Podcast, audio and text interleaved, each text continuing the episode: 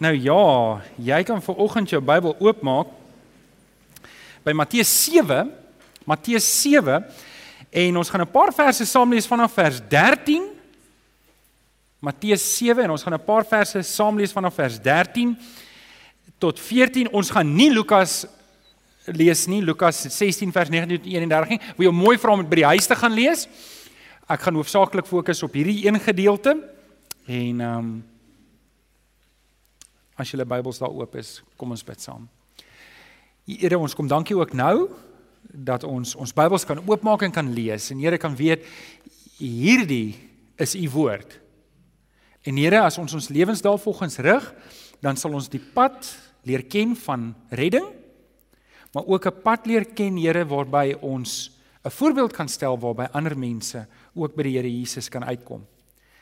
En Vader in in hierdie oggend kom vra ek vir Here dat hierdie bladsye, hierdie woorde op hierdie bladsye waar sal word, ook in ons lewens, Here, dat het, dat U woord vir ons ook die deurslag sal daar sal gee. Ons dankie en ons bid dit in Jesus naam. En kinders van die Here sê: Amen. Amen. Ek moet bely, laasweek en hierdie week voel ek die gemeente het my iets wat van 'n streep getrek met hierdie vrae. En uh, ek het, ek het nou weet aanvanklik as jy preek voorberei dan weet is dit al klaar redelik moeilik om preke voor te berei. Maar nou moet jy goeie spreek soos die wederkoms en en nou weet jy mos nou mense weet sit hier so en hulle kyk jou en nou moet jy nou moet jy mooi trap. En um, ek dink hierdie hierdie boodskap van vandag ook wat gaan oor die hemel en die hel, dis veral 'n belangrike boodskap. En en ek dink wat wat julle moet en ons sê dit gereeld vir mekaar, ons wil seker maak ons bly by die woord van die Here, né? Nee? Stem julle saam? Ons wil nie opinies hê nie. Ons wil nie ons wil nie sekulêre vorming eh, meningsvorming sê nie. Ons wil regtig hoor wat sê die Here se woord vir ons en ons wil daarbey bly. Um so julle stem saam. Ons soek nie ons soek nie 'n populêre opinie nie. Eh, eh, vriende, dit help nie ons paai mekaar. Paai mekaar, paai mekaar en ons is verlore nie. Weet dit help nie ek bederf my kind en hy's nooit voorberei vir die wêreld daar buite nie. Net so in ons eie lewe ook. Dit help nie ons ons ons spreek 'n boodskap wat ons nie voorberei vir die ewigheid nie. Amen. Amen. So, laasweek het ons gepraat oor die wederkoms en ehm um, vandag kom ons by die tweede vraag wat ook baie gevra is. Ek dink dit was die tweede meeste in julle boekie en dit is die twee ewige werklikhede. En vanoggend wil ek my bes doen en julle kan tog nou vir julleself indink. Ek kan onmoontlik nie alles wat daar te sê is oor die hemel en oor die hel in een boodskap sê nie. Dis eintlik dis eintlik 'n reeks van 'n kwartaal. Maar uh, ek gaan my bes doen met die tyd wat vir my gegee is vanoggend om met julle oor hierdie onderwerp te praat. sien? Die grootste vraag of stelling wat ek baie keer hoor is dat mense wil glo in 'n letterlike hemel, maar hulle wil nie glo in 'n letterlike hel nie. Weet wanneer ek met mense praat, Christene, dan kom ek agter hulle hulle is tevrede met die gedagte dat daar 'n werklike hemel is, 'n werklike plek wat God voorberei het vir sy kinders maar vir een of ander rede is dit nie is dit nie lekker om te glo dat daar 'n werklike hel is nie. En ek en ek en ek dink ek dink die redenasie daar agter is is hoekom sal 'n liefdevolle God mense hel toe stuur? Hoekom sal hy dit doen? En ek ek dink die redenasie is gebaseer in die gedagte dat dat die Here skuld ons redding. Hy skuld ons redding. En en dat dat in in homself weet probeer hy almal bymekaar hou en partykeer dan val daar mense uit sy hande uit en dis die mense wat verlore gaan en en, en ek ek wil ek wil net hierdie basiese waarheid deel want dit is wat ons nodig het in die onderstel om om vorentoe te gaan in hierdie baie belangrike boodskap. En dit is twee verse. Jy kan hom neerskryf. Ek dink nie is op jou raamwerk nie.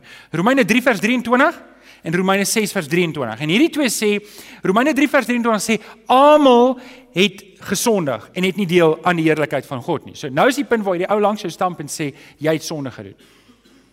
En jy sê terug ook ek het ook sonde gedoen. Almal van ons wat hier doen sit het sonde gedoen. 1 Johannes 1 vers 8 en 9 sê as iemand beweer dat hy nie sonde gedoen het nie, maak hy God tot 'n leienaar. En en en met ander woorde almal van ons is sondaars. En dan sê Romeine 6 vers 23, die loon wat die sonde gee is die dood, die genadegawe wat God gee is die ewige lewe in Christus Jesus. En ek hoop ek kan ver oggend die gedagte van genade oorbring en die boodskap van redding oorbring ook vir oggend. So, vanoggend praat ons so oor daar is net twee ewige werklikhede. En ek wil net hierdie verse lees in Matteus 7. As jou Bybel oop is daar. Matteus 7 vanaf vers 13. En dis Jesus wat besig is om die mense te leer en hy sê vir hulle: "Gaan deur die nou poort in. Die poort wat na die verderf lei is wyd en die pad wat daarheen is breed en die wat daardeur gaan is baie. Maar die poort wat na die lewe lei is nou en die pad wat daarheen is smal en die wat dit kry is min.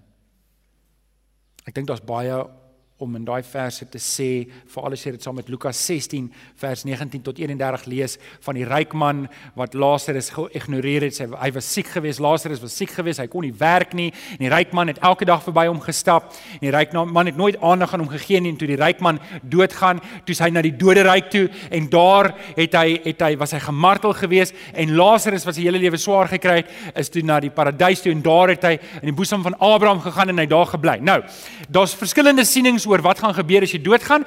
En na laasweek wat ek gesê het, ek gaan nie vir julle my siening gee nie. Het 'n klomp ouens ernstig met my gemou en gesê, hoorie, jy moet vir ons sê wat ons moet glo. OK, soos julle reg, nou gaan ek vir julle sê wat julle moet glo. Is julle happy daarmee? OK, so ek gaan vir julle sê, as jy hier doodgaan, baie mense glo jy gaan in 'n siele slaap in tot die oordeelsdag. Ek glo dit nie. Ek glo dat ehm um, dat daar is soos soos wat ons doodgaan hier gaan ons na hiernamaals toe En die wat die wat wat nie die Here Jesus geken het nie, hulle gaan na die doderyk toe en daar is al klaar 'n verskriklike plek om te wag vir die finale oordeel. En die van ons wat gered word, ons gaan ook na die paradys toe, soos wat die Here Jesus vir die ou wat langs hom aan die kruis gesterf het hier oor gesê het, jy's vanaand nog saam met my, vandag nog saam met my in die paradys.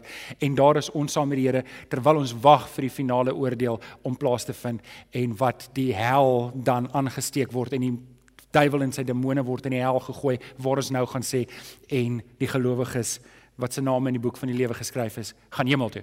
OK. Nou, ek wil 'n paar stellings maak vir oggend oor die twee ewige werklikhede en ek hoop jy gaan my kan volg vir oggend. So is almal by, is almal wakker en jy mag nie nou verder dink aan enige rugby nie. Is julle by? Ek sien dis 'n paar ouens met groen truie en toe het ek gedink aan ek kan onthou weet Japan is mos wit met die rooi kol. Ek kan onthou my uh, my neefie, my klein neef Teens het spierwit hare gehad toe hy net so klein laaitjie was en uh, Domie Domie Chris huis het ons gehuur in die begin en uh, hy het so een skerp graniethoek gehad en uh, die ouetjie hardloop en hy stamp sy kop op hy hoek. En uh, toe ons nou uiteindelik almal bedaar het, toe sit net hierdie wit kop met hierdie rooi kol op. En toe sê ek jy lyk vandag soos 'n Japanees. So ek is bly is niemand met wit en rooi aan in 'n geval. maar nou wil ek jou vra vir die volgende 15 minute konsentreer gou op die boodskap oor hierdie twee ewige werklikhede. So op jou raamwerk. Ek wil 'n paar opmerkings maak oor die ewige werklikhede. En die eerste ding wat ek wil sê en dis wat jy moet neerskryf op jou raamwerk, wat ek glo maak saak. Ba baie keer sien ek gelowiges het hierdie houding van maar dit maak nie regtig saak wat ek glo nie want as ek net vashou in Jesus dan is ek mos nou gered en en dis mos genoeg. Dis mos genoeg. En weet jy wat jy's jy's jy's reg. Dit is genoeg, maar ek moet mooi verstaan wat ek glo bepaal baie dinge in my lewe. Kom ek lees saam met julle 1 Timoteus 4 vers 16. Uh, Paulus skryf vir Timoteus en hy sê let goed op jou leer en op jou lewe. Met ander woorde wat hy vir hom sê is nie net jou lewe wat belangrik is nie, maar jy moet let op wat jy leer vir mense. Met ander woorde dit wat jy self glo. Jy moet oplet daarna, want deur dit te doen sal jy jouself red sowel as die mense wat na jou luister. sien, ek kan nie net enigiets glo nie. Dit is nie oukei okay as ek net enigiets glo nie. Ek moet seker maak dat dit wat ek glo is die waarheid. Nou ons begin met 'n disposisie, want sien, jy glo dat dit wat jy nou glo is die waarheid. Want ek het laasweek al gesê, uit die aard van die saak, anders sou jy dit nie geglo het nie. Wie glo moetswillig goed wat verkeerd is? Maar dit mag wees dat jy goed dalk glo wat nie heeltemal waar is nie.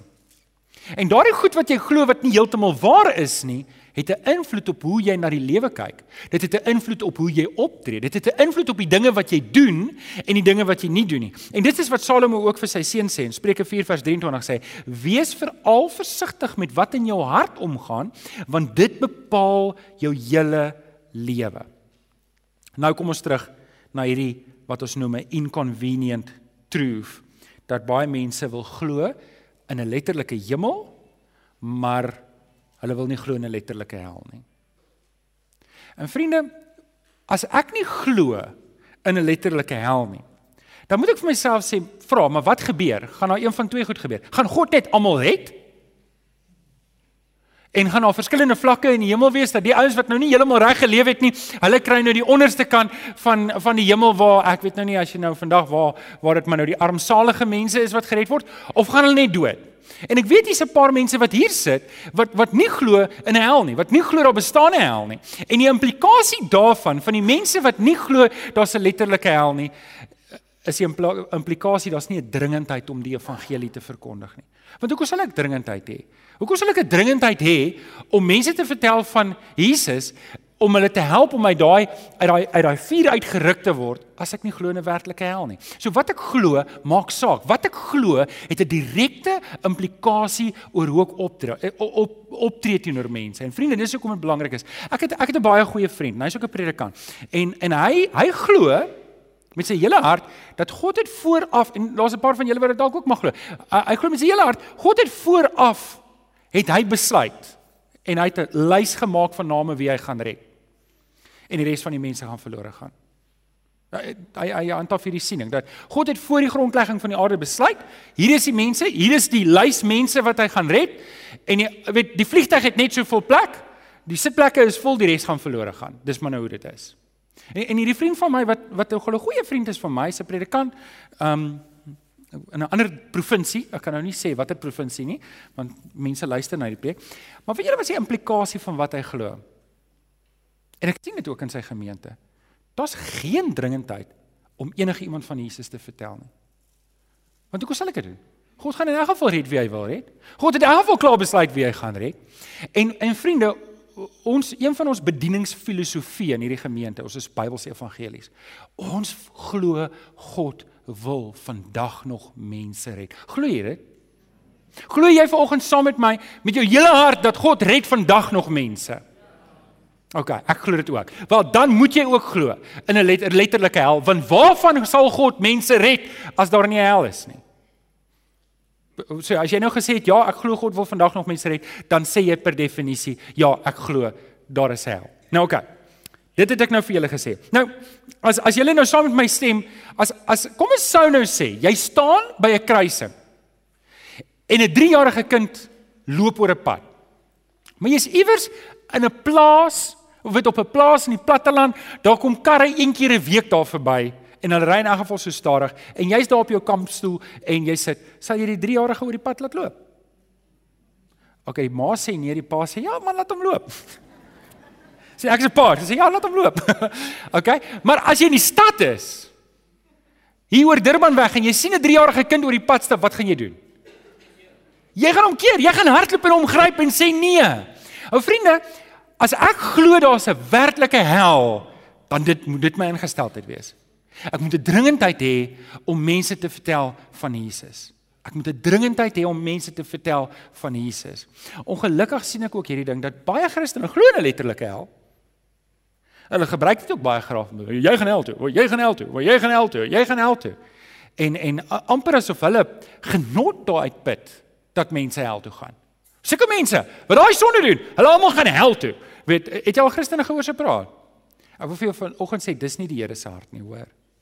Die die Here wil nie dit doen nie. Die Here wil nie, hy wil nie hê mense moet verlore gaan nie. OK. So ek wil net daai ding regstel van wat ek glo maak saak. As ek die verkeerde goed glo, gaan ek verkeerd optree. As ek die regte goed glo, gaan ek daai dringendheid hê. OK, nommer 2. Kom ons praat 'n bietjie oor die hemel. Ons praat 'n bietjie oor die hemel. Die hemel is 'n baie beter plek as wat jy dink. Die hemel is 'n baie beter plek as wat jy dink. 1 Korintiërs 2 vers 9. Hierdie vers som dalk vir my die beste op van my verwagting rondom die hemel. En Paulus skryf hy sê wat die oog nie gesien het nie en die oor nie gehoor het nie en wat in die hart by 'n mens nie opgekom het nie, dit het God gereed gemaak vir die wat hom liefhet. Nou wie van julle sit ver oggend hier en sê ek is werklik 'n kind van die Here, ek is gered. OK, sê jy sê met amen. OK, jy sê helfte wat nie is nie. Wie is werklik gered? Sê amen. Amen. Nou ek wil vir jou sê die plek waarin jy gaan is baie beter as enige plek wat jy ooit met jou oë gesien het, met jou ore gehoor het en in jou hart opgekom het. Dis wat Paulus sê. Beter. Jy kan nou dink ek weet nie Nature's Valley is dalk jou plek. Um Margate Beach is dalk jou plek. Ek weet nie wat jou plek is wat jy sê is jou happy place wat jy sê, "Ooh, die plek is so mooi." Ek wil vir jou sê, niks wat jy al ooit in jou lewe gesien het vergelyk met die plek waarna ek en jy op pad is as ons in die Here Jesus is. Nie wie van julle is bly? OK? So. 1 Korintiërs 2 vers 9. Niks nie niks nie. Ek ek ek is so mal oor Johannes wat skryf oor die hemel. En as jy nou wil 'n bietjie lees oor die hemel, gaan lees Openbaring en gaan lees Johannes se beskrywing oor die hemel. Weet julle, hy gebruik 23 verskillende edelstene wat hy beskryf om te te probeer verduidelik wat hy sien. En en weet jy as jy Openbaring lees, dan kom jy agter hierdie ou probeer sy bes om met aardse woorde hemelse goed te beskryf en en jy kan hoor soos hy skryf, he just misses it. Jy weet jy kan jy kan hoor soos hy skryf, hy kom net nie by met die woorde wat hy het om te beskryf wat hy sien nie. Het julle daar agtergekom? Nie van julle wat Openbaring gelees. Dis dis net soos so amazing. Want dit is dis diamante, dis opaal, dis jasper, karnieul en krisoliet en dit gaan net aan en aan en aan van wat hy beskryf, hy sien. OK. So wat weet ons van die hemel? Ek het vir jou sê dis 'n wonderlike plek. Kan julle saamstem met dit? As ek die skrif lees dan sien ek dis 'n plek waar daar geen pyn gaan wees nie. Gaan lees Openbaring 21. Daar's 'n hele paar goed wat daar is. Ons weet daar gaan geen hartseer wees nie. Niemand gaan nie huil nie. Niemand gaan depressief wees nie. Niemand gaan gekrenk wees nie. Niemand gaan sukkel daar met hierdie dinge nie. Daar daar gaan daar gaan daar gaan jy verheerlikte liggaam hê. Onthou julle laasweek het ons daar gepraat. Bertie kom nou ongelukkig eers tweede diens. Ek het sy toestemming en ek het Adrian en Fabian se toestemming ook om te praat. Ongelukkig het ek nie almal van julle wat brille dra vir oggend se toestemming nie. Maar Die brille bly agter. Jy kry 'n verheerlikte liggaam. Jou jou been wat stikkend is kom terug. OK, jy kry regte been, regte arms, regte alles. Ons kry 'n verheerlikte liggaam wat nie onderwerp is aan die stikkindheid van hierdie aarde nie. Nog 'n ding, ons gaan vir ewig in die teenwoordigheid van God wees. Ons gaan dan in sy teenwoordigheid wees soos Adam en Eva was. Daar was nie daar was nie hierdie hierdie hierdie probleem van daar sonde in my lewe ek moet vir God gaan wegkruip nie. Ons weet ons gaan vir ewig lewe. En ons weet ook dat daar gaan ons in perfekte verhoudings met mekaar wees. In die week praat ek en Domie Chris en praat ons oor hierdie boodskap. Ek dink dit was Maandag. Partykeer kan jy jouself verspreek. Het, het jy jouself al verspreek? Nou sê nou sê ek vir hom, ek sê vir hom iets soos ek dink ek weet hoe gaan dit wees in die hemel. Hy sê vir my, "O, jy dink jy weet hoe gaan dit wees in die hemel?" sê ek nee, okay, wag, wag, ek het nie daai stelling heeltemal oordink nie. Julle Ek weet nie genoeg van hoe dit gaan wees in die hemel nie. Maar ek kan vir julle sê dis the destination of choice. Amen. Amen. Dis die plek waarna ek en jy behoort te wil gaan. Ek weet eh, dink julle self gou terug aan die paradys waar Adam en Eva was. Dink julle dit was 'n wonderlike plek? Nê? Nee?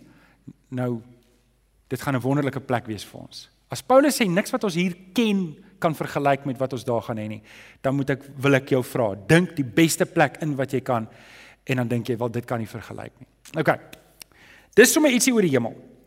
Kom ons kom ons praat 'n bietjie oor die hel. Kom ons praat praat 'n bietjie oor die hel.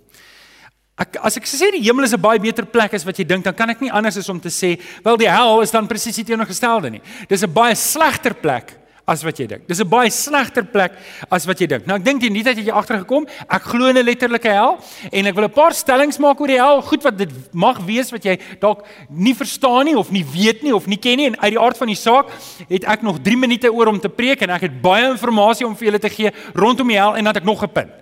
So ek hoop julle kan nog 'n oomblik sit. Hou vas aan jou stoel. 'n Paar gedagtes wat ek met julle wil deel rondom die hel. Kom ons lees eers Matteus 5 vers 30. Sê: As jou regterhand jou laat struikel, kap hom af en gooi hom van jou af weg want dit is vir jou beter dat jy net een van jou ledemate dis beter as jy een van jou ledemate verloor as wat jy met jou hele liggaam in die hel gaan beland. Dis verskriklike woorde wat Jesus sê. Jesus sê luister, as jy hier op aarde, as jy oog jou laat struikel, pluk hom liewer uit, gooi hom weg, want dit is beter om met een oog hier op aarde te lewe as om met al twee oë hel toe te gaan. So Jesus was vir Jesus Jesus het duidelik gemaak, die hel is 'n realiteit. So 'n paar goedjies wat ek wil hê, jy kan dalk notaatjies maak hier rondom. Die eerste ding wat ek baie duidelik wil maak is Jesus het nooit mense gedreig met die hel nie, behalwe die fariseërs. Hy het nooit verder mense gedreig met die hel nie. Dink gou toe die vrou, die Samaritaanse vrou by hom gekom het, sy het 5 mans gehad. Ten minste 4 buiteegtelike verhoudings. 5 mans gehad. En kom sit daar so by die water en Jesus begin met haar praat oor die lewende water. En op 'n stadium vra Jesus vir haar soek water en sy sê maar jy Here, jy dan nie 'n skepting nie. Sy sê maar ek sal vir die lewende water gee. Sy sê nee Here, hoe werk dit nou? En Jesus sê vir haar, weet jy daarmee, jy het 5 buiteegtelike verhoudings. Jy weet jy's vieslik. Jy weet jy's op pad hel toe. Jy weet jy gaan brand in die hel vir ewig met hierdie leefstyl. Jy het daai vers al gelees. Is dit waar staan? Nee.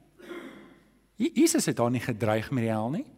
Onthou julle toe die die fariseërs 'n vrou na Jesus toe gebring en gesê, "Ons het hierdie vrou betrap met 'n ander man wat nie haar man is. Ons het haar betrap, ons het haar gevang." Die wet van Moses sê ons kan haar doodgooi met klippe. Onthou julle wat het Jesus vir gesê? Wat dammetjie, sis man, dis lelike goed wat jy aanvang. Jy gaan hel toe, hoor.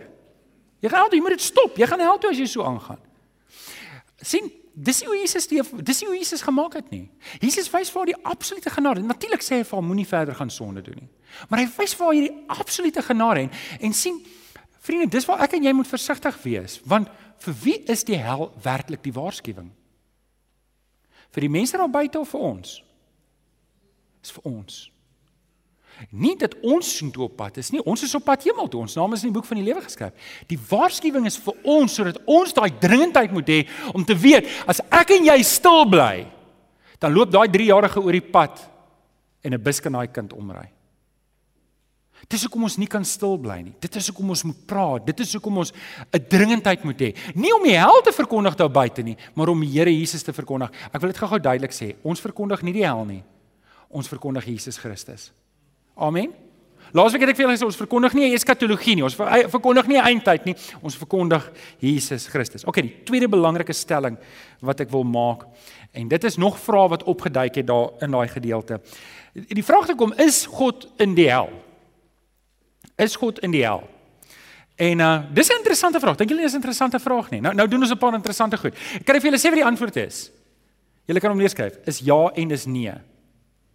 Kyk, kom ek sê vir julle hoekom ek sê ja en hoekom sê ek nee. So is God in die hel? Die antwoord is nee in 1 Tessalonisense 1 vers 8 tot 9 staan daar. Dan sal hy die mense straf wat nie vir God ken nie en wat nie die evangelie van die Here Jesus gehoorsaam het nie. Die ewige verdoemenis sal hulle straf wees, altyd geban uit uh, van die weg uit die teenwoordige en die wonderbaarlike mag van God. So met ander woorde, hier word hier word hierdie mense word verban uit die teenwoordigheid van die Here uit. Nou, beteken dit die Here is nie in die hel nie? Wel, kom ons sê net eers vir julle, as ons sê ons is in Here se teenwoordigheid, dan gaan dit oor die Here se genade, dit gaan oor sy liefde, dit gaan oor sy heerlikheid om in die Here se teenwoordigheid te wees. En julle om in die Here se teenwoordigheid te wees is 'n wonderlike plek om te wees. En die hel is die plek waar al die kom ons sê liefde eienskappe van God nie is nie. Dis 'n verskriklike plek om te wees. So is God in die hel? Nie op daai manier nie, maar is die Here in die hel? Die antwoord is ook ja. Want ons weet tog God is alomteenwoordig. Hebreërs 10 vers 31 sê dit is verskriklik om te val in die hande van 'n lewende God. Dawid sê in Psalm 139, "Hoe sal ek sal ek vlug na die doderyk toe?" Die doderyk verwys daar waar ons dood is, nê? Nee, sal ek daar kon ontvlug van die Here se teenwoordigheid? Selfs daar is die Here. So die Here is oral. Die Here is oral. Hy's oral, hy's ook daar. Ek dink is John Piper wat sê dit is om in die teenwoordigheid te wees van God wat die regter is en om te weet jy's skuldig. OK, aan wie behoort die hel? Ek dink dis nog 'n ding wat mense nie altyd weet nie. Hulle dink die hel behoort aan die duiwel. Julle as kinders, dan word die hel geteken, dan is die duiwel het hy mos hierdie twee horingkies, nê, nee, en hy het 'n vurk. Het julle dit al gesien? Dan is dit baie soos marshmallows braai.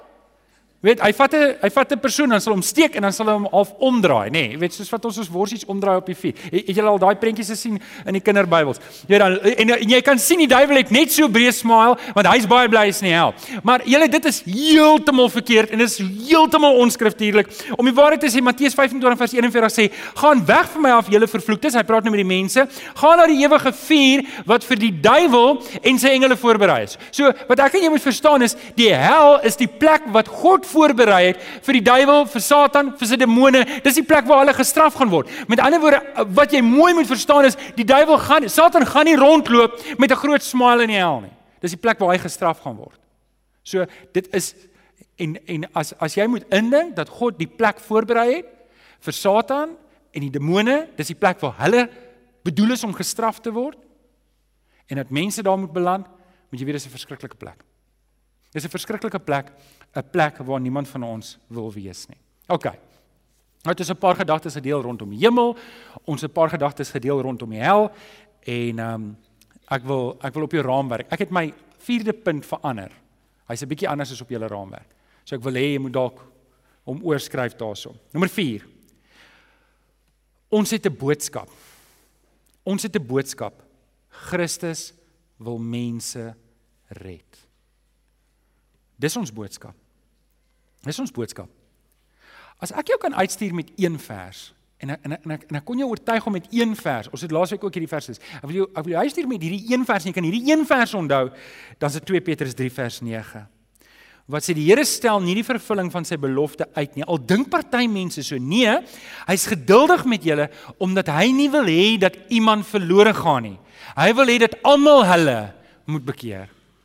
So vriende, ek en jy het 'n boodskap en ons boodskap is die evangelie. Die evangelie, evangelos is die boodskap, die woord Dit is 'n goeie woord, dis goeie nuus. Ek en jy die goeie nuus dat Jesus Christus het op die kruis gesterf om mense te red. Wie kan amen sê daar? Dis ons boodskap buitekant toe. Nou moet 'n dringendheid in ons harte wees wat sê ek wil nie hê. Hoor, God wil nie hê enigiemand moet verlore gaan nie. Johannes 3 vers 16.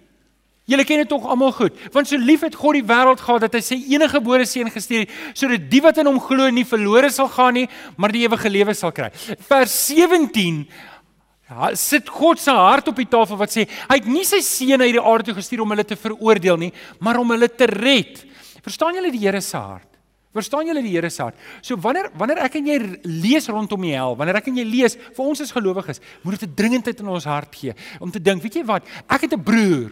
Ek het 'n broer wat nie die Here ken nie. Ek het dalk 'n suster wat nie die Here ken nie. Ek het dalk 'n ma of 'n pa wat nie die Here ken nie. Ek het dalk kinders wat nie die Here ken nie. Dan moet 'n dringendheid by my wees. Môreoggend as ek by die werk instap, moet daar 'n dringendheid wees. As ek 'n ou sien wat ek weet is verlore, is weg van die Here af om te sê, hierdie ou moet by die Here kom. Hierdie dame moet by die Here kom. Here, eh, verbeel jouself as ons almal almal, ons is so 280, 290 mense hierso.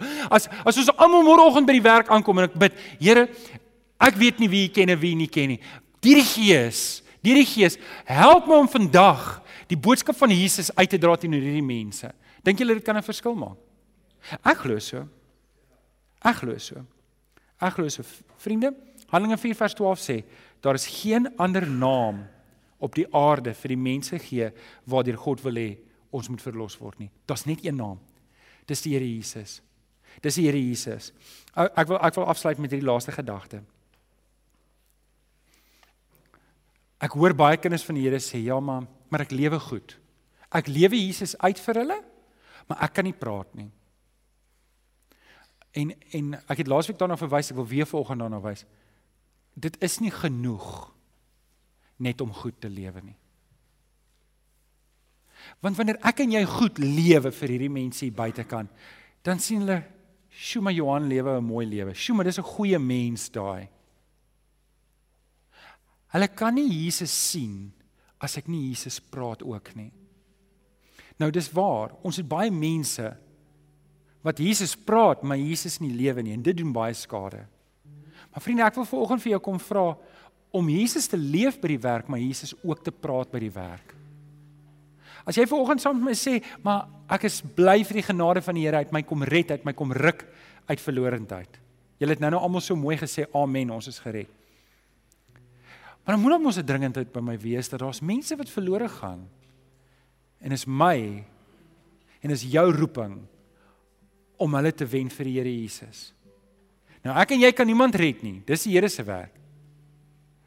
Maar vriende, deur om stil te bly, help ek nie die saak van die koninkryk nie. Amen. Amen. Ek wil volgens vir jou bid, maar ek wil ook vra vanoggend dat die Here in jou hart iets wakker maak.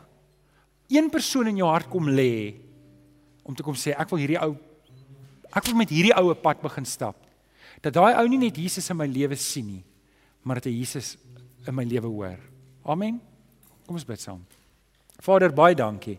Dankie Here dat ons ver oggend weer kan hoor rondom hierdie ewige werklikhede. En die Here kom help vir ons dat ons sal verstaan wat U hart is. As as as Johannes 3 vers 16 sê, want so lief het U die wêreld gehad. En ons sien die Here Jesus met die Samaritaanse vrou en ons sien Jesus by die vrou wat in oorspel betrap is. Vader dan dan besef ons hy het hulle nie gedreig met die hel nie. Here ons boodskap in die wêreld is nie om enigiemand te dreig met die hel nie. Dit is iets wat ons moet onthou waarvan U hulle wil red en ons is die boodskappers. Kom help vir ons Here dat ons daai dringendheid in ons hart sal hê om mense te vertel van Jesus.